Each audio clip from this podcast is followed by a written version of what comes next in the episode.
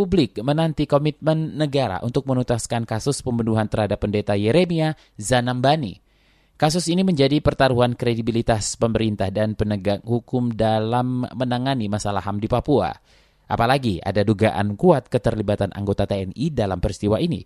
Simak laporan yang disusun jurnalis KBR Astri Yuwanasari kasus pembunuhan Bapak ini kami tidak mau diadili melalui pengadilan militer. Kami juga tolak jasad Bapak tidak boleh diotopsi. Kami pihak keluarga meminta supaya kasus Bapak ini bisa dibawa ke pengadilan HAM supaya kami pihak keluarga juga bisa mendapatkan keadilan. Itu tadi tiga permintaan dari Rode Zanambani, putri mendiang pendeta Yeremia Zanambani lewat video yang tersebar di media dan kanal YouTube.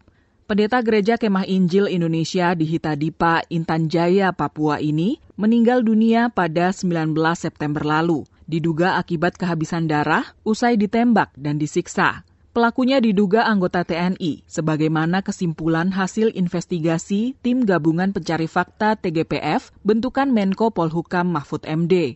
TGPF juga membuka kemungkinan keterlibatan pihak ketiga dari rangkaian peristiwa kekerasan 17 hingga 19 September yang menelan lima korban jiwa. Tiga warga sipil termasuk pendeta Yeremia dan dua anggota TNI. Hasil investigasi ini diumumkan ke publik oleh Mahfud 21 Oktober lalu. Menunjukkan dugaan keterlibatan oknum aparat meskipun ada juga kemungkinan dilakukan oleh pihak ketiga. Untuk selanjutnya, pemerintah akan menyelesaikan kasus ini sesuai dengan hukum yang berlaku. Hasil temuan Komnas HAM mengerucut pada sosok wakil dan Ramil Hitadipa Alpius sebagai terduga kuat pelakunya. Kepolisian kemudian diperintahkan untuk segera mengusut tuntas kasus tersebut. Namun, progresnya terkendala karena keluarga Yeremia berubah pikiran. Mereka kini menolak autopsi jenazah karena yakin bukti-bukti yang ada sudah cukup.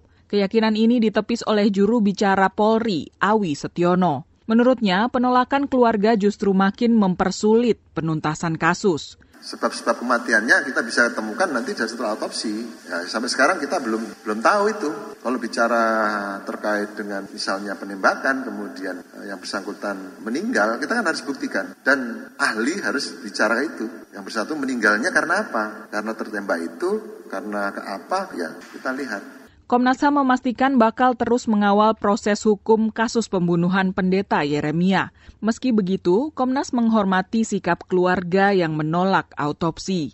Komisioner Komnas HAM BK Ulung Hapsara Komnas HAM sampai saat ini dalam laporan resmi dan juga pernyataan yang disampaikan oleh keluarga korban kan mereka bersedia diotopsi. Ya, kami memegang itu, tapi tentu saja keputusan ada di keluarga. Kami tidak perlu membujuk-bujuk mendekati mereka untuk kemudian berubah pikiran. Komnas HAM telah bertemu Presiden Joko Widodo di Istana 16 November lalu. Salah satu agendanya adalah melaporkan hasil temuan kasus penembakan pendeta Yeremia. BK mengklaim Jokowi sependapat dengan Komnas bahwa kasus itu harus diusut hingga tuntas. Penuntasan kasus pendeta Yeremia akan berdampak besar pada relasi pemerintah dengan masyarakat Papua yang selama ini penuh konflik. Menurut pengamat Papua dari LIPI, Adriana Elizabeth, Yeremia adalah sosok pendeta yang sangat dihormati warga Papua, khususnya Intan Jaya. Apalagi Yeremia merupakan penerjemah Alkitab ke dalam bahasa suku Moni, Papua. Adriana memperingatkan adanya kemungkinan isu ini dimanfaatkan kelompok separatis untuk propaganda jelang hari peringatan 1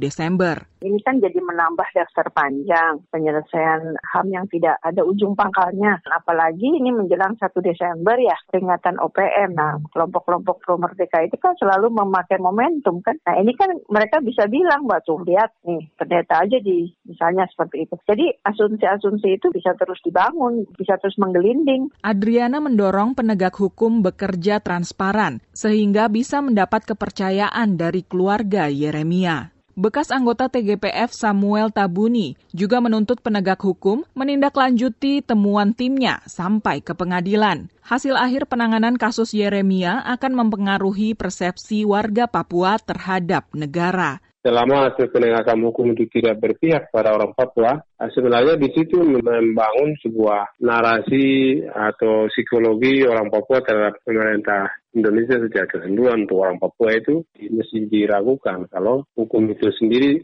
masih berat sebelah sudah ada bukti-bukti, ada saksi, ada fakta-fakta yang kita temukan itu harus membuahkan satu keputusan yang memberikan rasa damai penghiburan kepada keluarga korban secara khusus masalah Intan Jaya, tapi juga semua orang Papua. Demikian laporan khas KBR, saya Astri Yuwanasari.